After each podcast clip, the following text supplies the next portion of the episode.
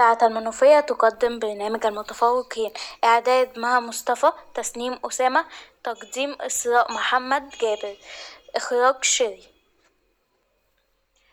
أعزائي المستمعين السلام عليكم ورحمة الله وبركاته. أهلا وسهلا بكم في برنامجنا الإذاعي وسوف نتحدث اليوم عن موضوع في غاية الأهمية وهو التنمر.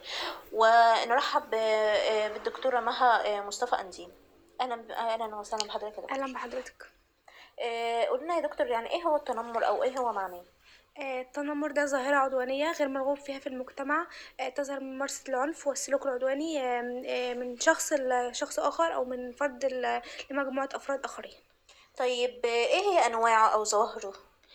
آه، قد يكون إساءة لفظية آه، زي استخدام أسماء أو ألقاب الأفراد آه، واستخدام العنف آه، والتمييز العنصري الذي يظهر من معاملة الناس بشكل مختلف. طيب إيه هي أعراض التنمر؟ أو إيه هي الشكوى اللي آه، الأطفال اللي بي- بيشتكوا منها في نوع التنمر؟ آه، الشكاوى المتكررة آه، من الصداع آه، آه، كوابيس المستمرة تغيرات آه، في عادات الأكل آه، ممتلكات مفقودة وإصابات غير مفسرة. طيب آه، وهي إيه أشكاله؟ آه، أشكال أو ال- مظاهره.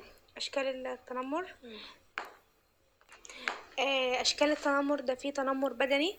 آم، قد يكون ات- آه، اتصال بدني يقصد به إيذاء الفرد جسديا آه، ويأخذ أشكالا مختلفة آه، مثل الخدش آه، أو السيطرة الاجتماعية آه، كعدوان غير مباشر آه، وعدوان خاطئ آه، أو التنمر الجنسي يشمل التلميح بالرسائل غير مرغوب فيها مثل الصور والتهكمات. آه، التنمر عبر عبر الإنترنت عن التقدم التكنولوجي.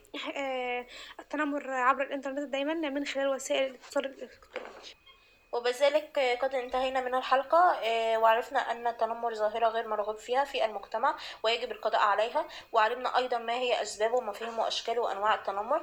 وبذلك نشكر الدكتورة مها مصطفى على مجهودها معنا ونلقاكم في حلقة قادمة والسلام عليكم ورحمة الله وبركاته.